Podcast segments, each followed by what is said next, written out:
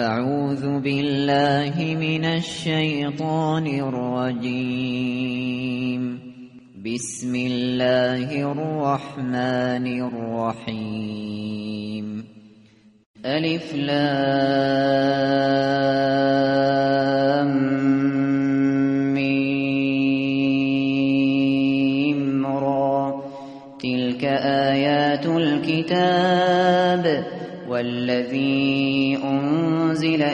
إليك من ربك الحق ولكن أكثر الناس لا يؤمنون.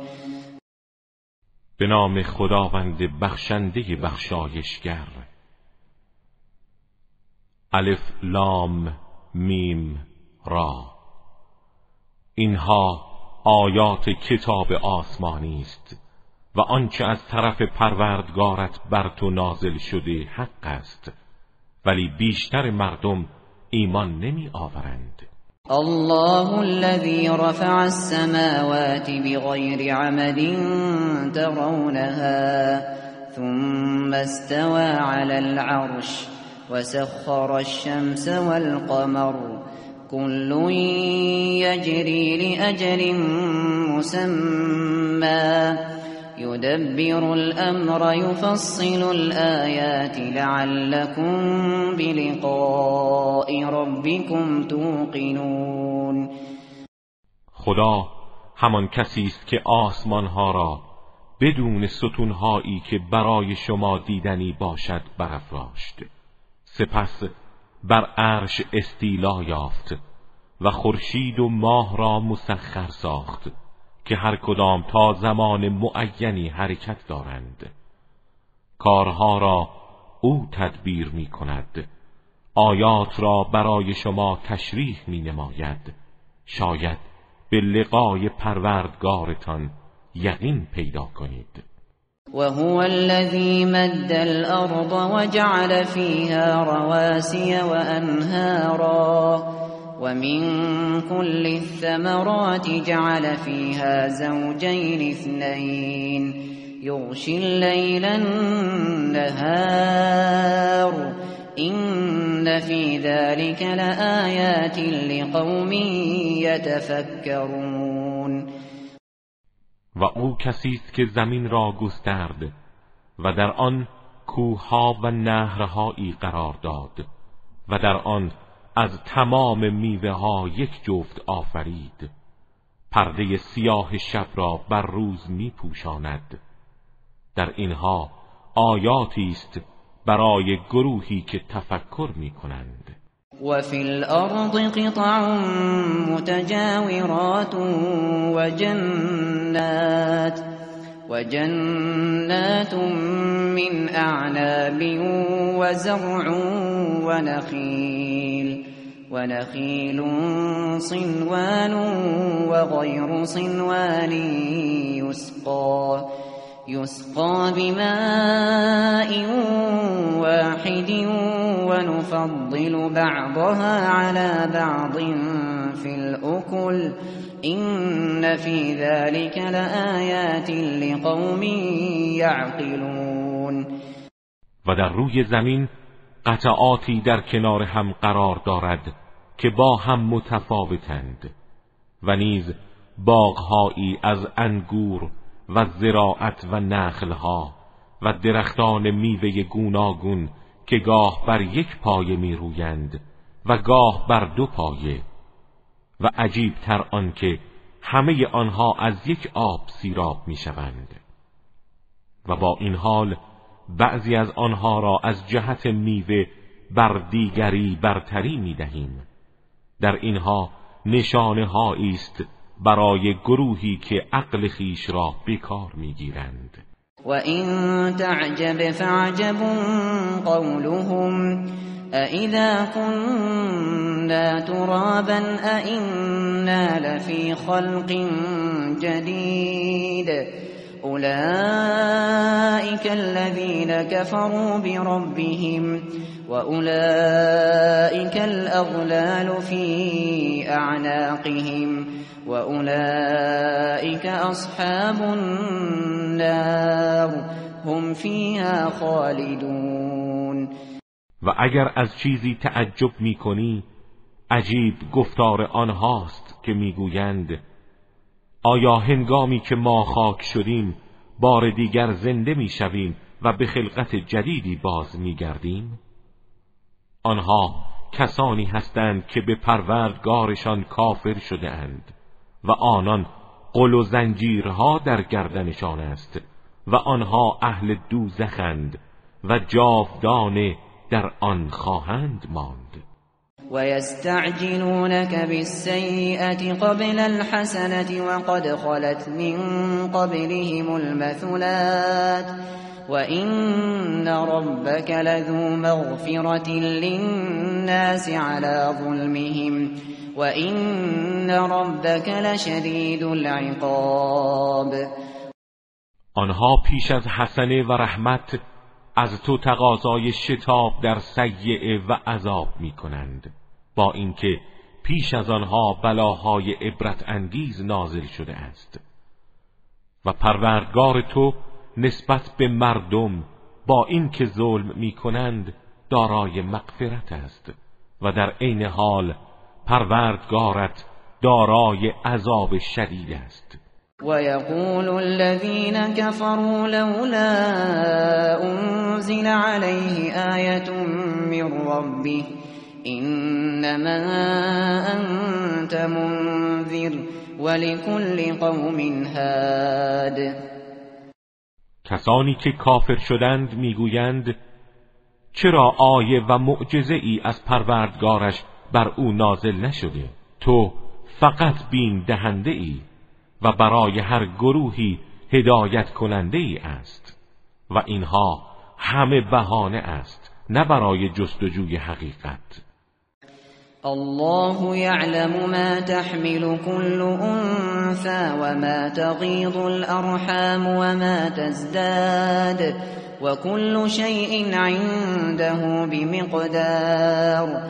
خدا از جنین هایی که هر انسان یا حیوان ماده ای حمل می کند آگاه است و نیز از آنچه رحم ها کم می کنند و پیش از موعد مقرر می زایند و هم از آنچه افزون می کنند و بعد از موقع می زایند و هر چیز نزد او مقدار معینی دارد.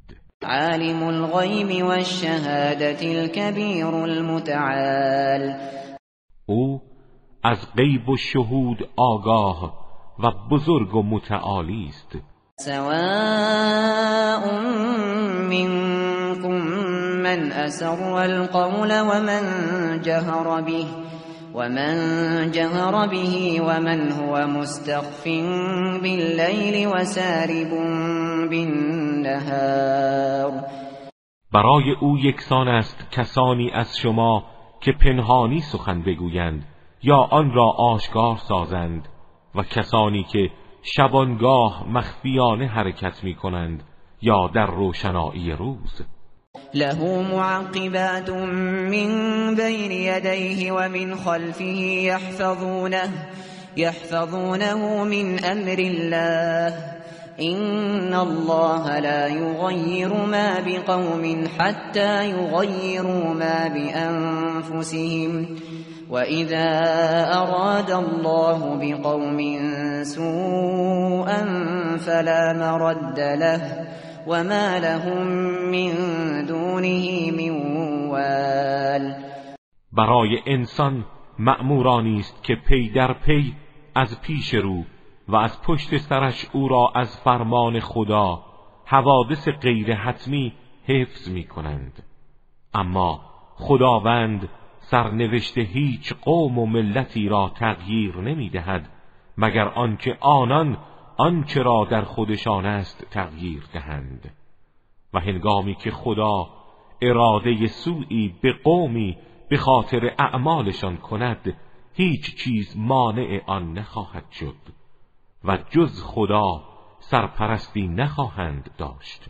هو الذي يريكم البرق خوفا وطمعا وينشئ السحاب الثقال. او کسی است که برق را به شما نشان می‌دهد که هم مایه ترس است و هم مایه امید و ابرهای سنگین بار ایجاد می کند و یسبح الرعد بحمده والملائکة من خیفته ويرسل الصواعق فيصيب بها من يشاء وهم يجادلون. وهم يجادلون في الله وهو شدید المحال. و رعد تسبیح و حمد او می‌گوید و نیز فرشتگان از ترس او و سائقه ها را میفرستد و هر کس را بخواهد گرفتار آن می‌سازد در حالی که آنها با مشاهده این همه آیات الهی باز هم درباره خدا به مجادله مشغولند و او قدرتی بی انتها و مجازاتی دردناک دارد. له دعوت الحق والذين يدعون من دونه لا يستجيبون لهم بشيء إلا إلا كباسط كفيه إلى الماء ليبلغ فاه ليبلغ فاه وما هو ببالغه وما دعاء الكافرين إلا في ضلال. دعوت حق از آن اوست و کسانی را که مشرکان غیر از خدا می‌خوانند هرگز به دعوت آنها پاسخ نمی‌گویند. آنها همچون کسی هستند که کفهای دست خود را به سوی آب میگشاید. تا آب به دهانش برسد و هرگز نخواهد رسید. و دعای کافران جز در زلال و گمراهی نیست. ولله يسجد من في السماوات والأرض طوعا وكرها طوعا وكرها وظلالهم بالغدو والآصال. تمام کسانی که در آسمان ها و زمین هستند از روی اطاعت یا اکراه و همچنین سایه هایشان هر صبح و عصر برای خدا سجده می کنند قل من رب السماوات والأرض قل الله قل أفاتخذتم من دونه أولياء لا يملكون لأنفسهم نفعا ولا ضرا قل هل يستوي الأعمى والبصير أم هل تستوي الظلمات والنور أم جعلوا لله شركاء خلقوا كخلقه فتشابه الخلق عليهم قل الله خالق كل شيء وهو الواحد القهار. بگو چه کسی پروردگار آسمان ها و زمین است؟ بگو الله. سپس بگو آیا اولیا و خدایانی غیر از او برای خود برگزیده اید که حتی مالک سود و زیان خود نیستند؟ تا چه رسد به شما؟ بگو آیا نابینا و بینا یکسانند؟ یا ظلمت ها و نور برابرند؟ آیا آنها همتایانی برای خدا قرار دادند به خاطر اینکه آنان همانند خدا آفرینشی داشتند و این آفرینش ها بر آنها مشتبه شده است؟ بگو خدا خالق همه چیز است و اوست یکتا و پیروز. انزل من السماء ماء فسالت فسالت أودية بقدرها فاحتمل السيل زبدا رابيا ومما يوقدون عليه في النار ابتغاء حلية أو متاع زبد مثله.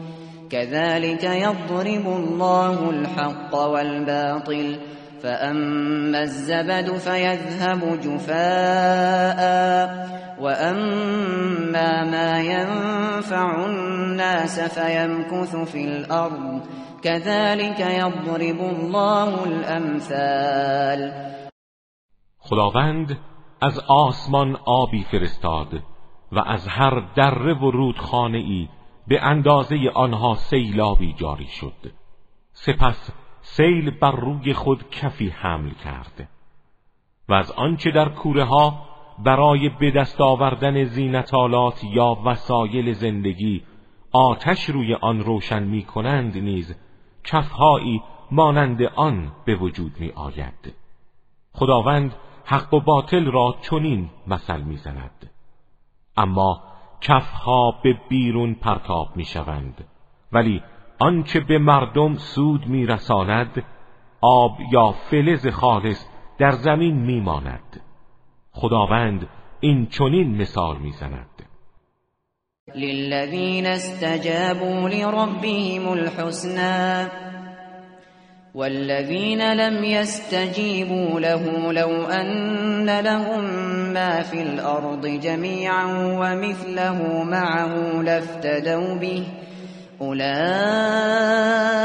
لهم سوء الحساب ومأواهم جهنم وبئس المهاد. برای آنها که دعوت پروردگارشان را اجابت کردند پاداش نیکوست. و کسانی که دعوت او را اجابت نکردند آنچنان در وحشت عذاب الهی فرو می روند که اگر تمام آنچه روی زمین است و همانندش از آن آنها باشد همه را برای رهایی از عذاب می‌دهند. ولی از آنها پذیرفته نخواهد شد. برای آنها حساب بدی است و جایگاهشان جهنم. و چه بد جایگاهی است. افمن یعلم انما انزل الیک من ربک الحق كمن هو اعما انما یتذکر اولو الالباب آیا کسی که می‌داند آنچه از طرف پروردگارت بر تو نازل شده حق است همانند کسی است که نابیناست؟ تنها صاحبان اندیشه متذکر می‌شوند. الذين يوفون بعهد الله ولا ينقضون الميثاق.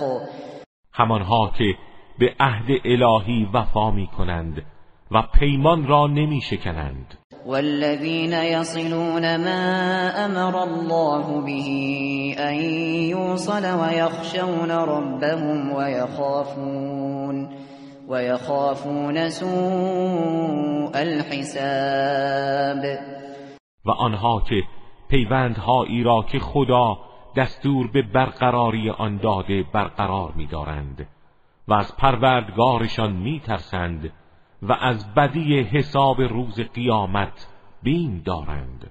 والذین صبروا ابتغاء وجه ربهم واقاموا الصلاة وانفقوا وأنفقوا مما رزقناهم سرا وعلانية ويدرؤون ويدرؤون بالحسنة السيئة أولئك لهم عقب الدار. و آنها که به خاطر ذات پاک پروردگارشان شکیبایی می کنند و نماز را برپا می دارند و از آنچه به آنها روزی داده ایم در پنهان و آشکار انفاق می کنند و با حسنات سیعات را از میان می‌برند. پایان نیک سرای دیگر از آن آنهاست. جنات عدن يدخلونها ومن صلح من آبائهم ومن صلح من آبائهم وأزواجهم وذرياتهم والملائكة يدخلون عليهم من كل باب.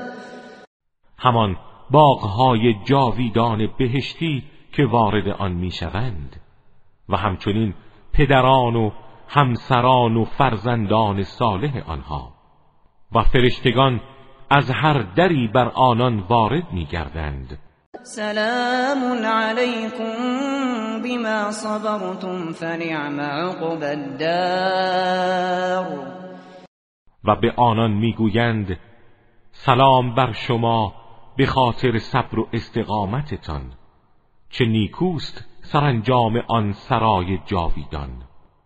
والذین ينقضون عهد الله من بعد ميثاقه ويقطعون ويقطعون ما أمر الله به أن يوصل ويفسدون في الأرض أولئك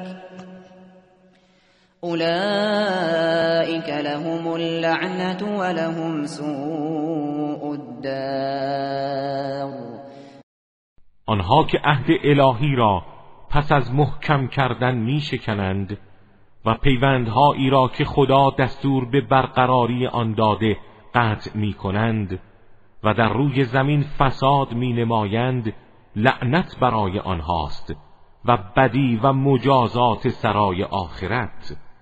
الله يبسط الرزق لمن يشاء ويقدر. وفرحوا بالحياة الدنيا وما الحياة الدنيا في الآخرة إلا متاع. خدا روزی را برای هر کس بخواهد و شایسته بداند. وسیع و برای هر کس بخواهد و مسلحت بداند. تنگ قرار می‌دهد. ولی آنها کافران به زندگی دنیا شاد و خوشحال شدند در حالی که زندگی دنیا در برابر آخرت متاع ناچیزی است. و یقول الذين كفروا لولا انزل عليه آیه من ربه قل إن الله يضل من يشاء ويهدي ويهدي إليه من اناب کسانی که کافر شدند می‌گویند چرا آیه و معجزه ای از پروردگارش بر او نازل نشده است؟ بگو خداوند هر کس را بخواهد گمراه و هر کس را که بازگردد به سوی خودش هدایت می کند الذين آمنوا وتطمئن قلوبهم بذكر الله. الا بذكر الله تطمئن القلوب. آنها کسانی هستند که ایمان آورده اند و دلهایشان به یاد خدا مطمئن و آرام است. آگاه باشید. تنها با یاد خدا دلها آرامش مییابد. الذين آمنوا وعملوا الصالحات طوبى لهم وحسن مآب. آنها که ایمان آوردند و کارهای شایسته انجام دادند پاکیزه ترین زندگی نصیبشان است و بهترین سرانجام ها كذلك أرسلناك في أمة قد خلت قد خلت من قبلها أمم لتتلو عليهم الذي أوحينا إليك وهم يكفرون وهم يكفرون بالرحمن. قل هو ربي لا اله الا هو عليه توكلت وإليه متاب. همان گونه که پیامبران پیشین را مبعوث کردیم تو را به میان امتی فرستادیم که پیش از آنها امتهای دیگری آمدند و رفتند تا آنچه را به تو وحی نموده ایم بر آنان بخوانی. در حالی که به رحمان خداوندی که رحمتش همگان را فرا گرفته کفر می‌ورزند بگو او پروردگار من است معبودی جز او نیست. بر او توکل کردم و بازگشتم به سوی اوست. ولو ان قرآنا سيرت به الجبال او قطعت به الارض او كلم به الموتى بل لله الأمر جميعا. أفلم ييأس الذين آمنوا أن لو يشاء الله لهدى الناس جميعا. ولا يزال الذين كفروا تصيبهم بما صنعوا قارعة أو تحل قريبا أو تحل قريبا من دارهم حتى يأتي وعد الله. إن الله لا يخلف الميعاد. اگر به وسیله قرآن کوها به حرکت درآیند یا زمینها قطع قطع شوند یا به وسیله آن با مردگان سخن گفته شود باز هم ایمان نخواهند آورد. ولی همه کارها در اختیار خداست. آیا آنها که ایمان آورده اند نمی‌دانند که اگر خدا بخواهد همه مردم را به اجبار هدایت می کند و پیوسته بلاهای کوبنده ای بر کافران به خاطر اعمالشان وارد می شود و یا به نزدیکی خانه آنها فرود می آید تا وعده نهایی خدا فرا رسد. به یقین خداوند در وعده خود تخلف نمی کند ولقد استهزئ برسل من قبلك فأمليت للذين كفروا ثم أخذتهم فكيف كان عقاب؟ تنها تو را استهزا نکردند. پیامبران پیش از تو را نیز مورد استهزا قرار دادند. من به کافران مهلت دادم. سپس آنها را گرفتم. دیدی مجازات من چگونه بود؟ أفمن هو قائم على كل نفس بما كسبت وجعلوا وجعلوا لله شركاء قل سموهم أم تنبئونه بما لا يعلم في الأرض أم بظاهر من القول بل زين للذين كفروا مكرهم وصدوا عن السبيل ومن يضلل الله فما له من هاد. آیا کسی که بالای سر همه ایستاده و اعمال همه را می‌بیند همچون کسی است که هیچ یک از این صفات را ندارد؟ آنان برای خدا همتایانی قرار دادند. بگو آنها را نام ببرید. آیا چیزی را به او خبر می دهید که از وجود آن در روی زمین بیخبر است؟ یا سخنان ظاهری و توخالی می‌گویید؟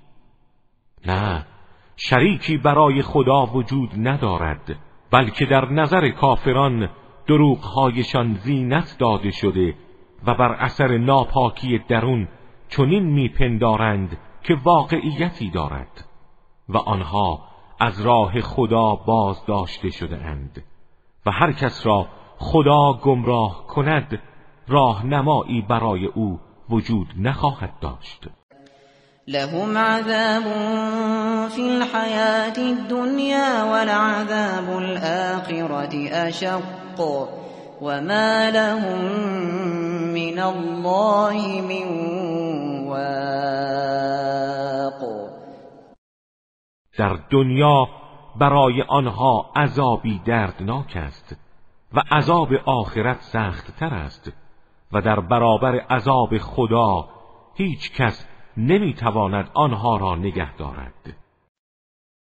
مثل الجنة التي وعد المتقون تجري من تحتها الأنهار وكلها دائم وظلها. تلك عقبى الذين اتقوا وعقبى الكافرين النار. توصیف بهشتی که به پرهیزگاران وعده داده شده این است که نهرهای آب از زیر درختانش جاری است. میوه آن همیشگی و سایه دائمی است. این سرانجام کسانی است که پرهیزگاری پیشه کردند و سرانجام کافران آتش است. والذین آتیناهم الكتاب یفرحون بما انزل الیک ومن الأحزاب من ينكر بعضه. قل إنما أمرت أن أعبد الله ولا أشرك به. إليه أدعو وإليه مآب. کسانی که کتاب آسمانی به آنان داده ایم از آنچه بر تو نازل شده خوشحالند. و بعضی از احزاب و گروه ها قسمتی از آن را انکار می کنند بگو من مأمورم که الله را بپرستم و شریکی برای او قائل نشوم. به سوی او دعوت می کنم و بازگشت من به سوی اوست. وكذلك أنزلناه حكما عربيا ولئن اتبعت أهواءهم بعدما جاءك من العلم ما لك من الله من ولي ولا واق. همان گونه که به پیامبران پیشین کتاب آسمانی دادیم بر تو نیز این قرآن را به عنوان فرمان روشن و سریحی نازل کردیم. و اگر از هوسهای آنان بعد از آن که آگاهی برای تو آمده پیروی کنی هیچ کس در برابر خدا از تو حمایت و جلوگیری نخواهد کرد. ولقد ارسلنا رسلا من قبلك وجعلنا وجعلنا لهم أزواجا وذرية وما كان لرسول أن يأتي بآية إلا بإذن الله لكل أجل كتاب. ما پیش از تو نیز رسولانی فرستادیم و برای آنها همسران و فرزندانی قرار دادیم و هیچ رسولی نمی توانست از پیش خود معجزه ای بیاورد مگر به فرمان خدا. هر زمانی نوشته ای دارد و برای هر کاری موعدی مقرر است. یمحو الله ما یشاء و یثبت و عنده ام الكتاب خداوند هر را بخواهد محو و هر را بخواهد اثبات می کند و ام الکتاب لوح محفوظ نزد اوست. و اینا نرینك بعض الذین نعدهم او نتوفینك فإنما فإنما عليك البلاغ وعلينا الحساب. و اگر پاره ای از مجازات ها را که به آنها وعده می دهیم به تو نشان دهیم یا پیش از فرا رسیدن این مجازات ها تو را بمیرانیم در هر حال تو فقط مأمور ابلاغ هستی و حساب آنها بر ماست. اولم يروا أنا نأتي الأرض ننقصها من أطرافها والله يحكم لا معقب لحكمه وهو سريع الحساب آیا ندیدند که ما پیوسته به سراغ زمین می آییم و از اطراف و به آن کم می کنیم؟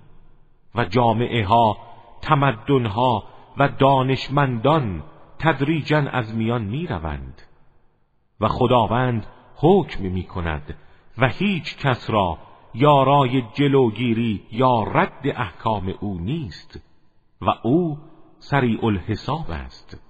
وقد مكر الذين من قبلهم فلله المكر جميعا. يعلم ما تكسب كل نفس وسيعلم الكفار لمن عقب الدار.